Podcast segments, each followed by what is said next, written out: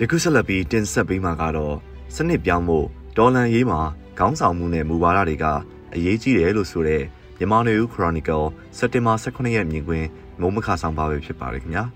တွဲတိုင်းမှာစက်ကောင်းပါတယ်ဆိုတဲ့စကားလုံးကနေဦးဒေါ်လန်ရေးစတင်ခါစားလာတွေကလေးကတက်ကြွလှုပ်ရှားသူထောက်ခံသူပြည်သက်တွေအကြားထဲရေပန်းစားခဲ့တဲ့စကားလုံးတစ်လုံးဖြစ်ပါတယ်မူရင်းစကားလုံးကဘလို့ရည်ရွယ်ချက်နဲ့ပြောဆိုခဲ့တယ်လဲဆိုတာမသိသည့်တိုင်နေဦးဒေါ်လန်ရေးမှာ ခေါင်းဆောင်ရဲ့လို့တီးတီးတန့်တန့်မတွေ့ရသည့်တိုင်သို့မဟုတ်မကြေညာသည့်တိုင်လှုပ်ရှားတဲ့အဖွဲ့တိုင်းကခေါင်းဆောင်ဆိုတဲ့သဘောအာနာသိန်းစစ်တပ်ကိုစန့်ကျင်နေကြတဲ့အဖွဲ့အစည်းတွေအားလုံးကိုခေါင်းဆောင်တွေလို့သတ်မှတ်ပြီးသားဆိုတဲ့သဘောလို့မှတ်ယူနားလည်ရပါတယ်။အချိန်ကာလတိုတစ်ခုမှာတက်ကြွစေလိုတဲ့သဘောမျိုးနှိုးဆွပြောဆိုမှုအနေနဲ့ဆိုရင်တော့စန့်ကျင်စရာမရှိပေမဲ့ရေရှည်သွားမဲ့တိုက်ပွဲတစ်ခုမှာတော့ခေါင်းဆောင်မှုဆိုတာရှိနေမှာဖြစ်ပြီး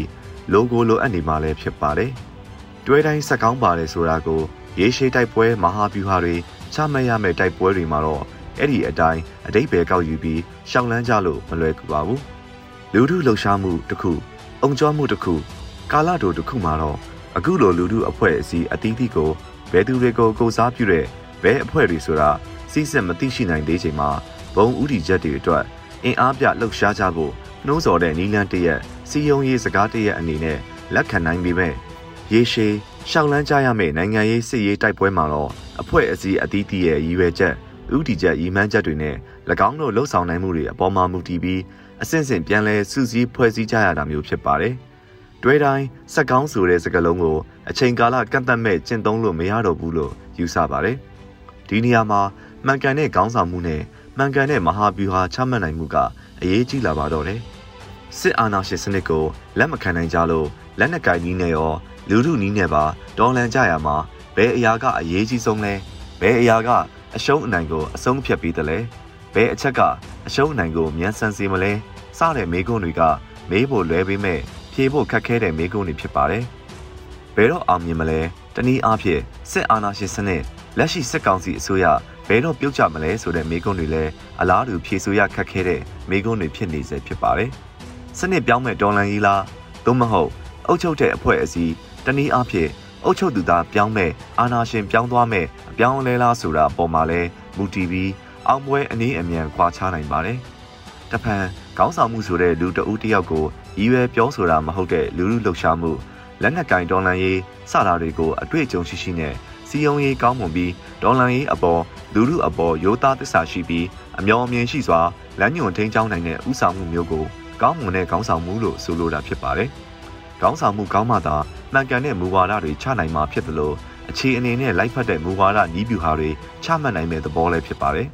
။ကောင်းမွန်တဲ့ခေါင်းဆောင်မှုတွေရဲ့အရေးကြီးတဲ့အင်္ဂါရပ်တွေကဖြစ်ပျက်နေတဲ့နိုင်ငံရေးအခြေအနေကိုလက်တွေ့ကျစွာသုံးသပ်နိုင်တာတမိုင်းနောက်ခံဖြစ်ရပ်တွေအကျိုးအကြောင်းတွေနဲ့ဆက်ဆက်ပြီးနားလည်ကာမှန်ကန်တဲ့မူဝါဒတွေချမှတ်နိုင်တာ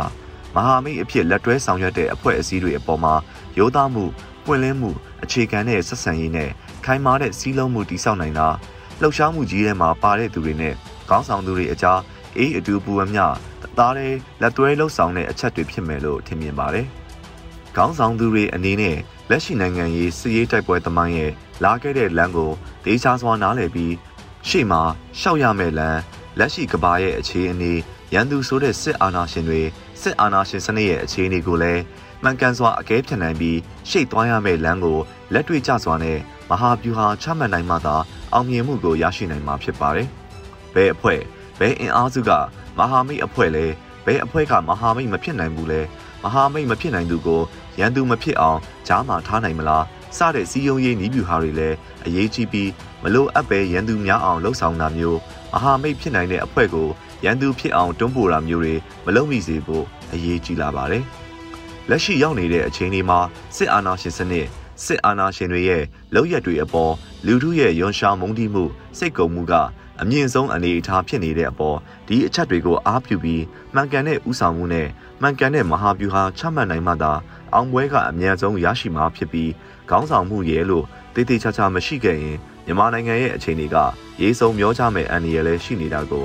တတိမမေ့ကြဖို့လိုအပ်ပါတယ်ခင်ဗျာယခုတင်ဆက်ပေးခဲ့တာကတော့စနစ်ပြောင်းဖို့ဒေါ်လန်ရေးမှာခေါင်းဆောင်မှုနဲ့မူဝါဒတွေက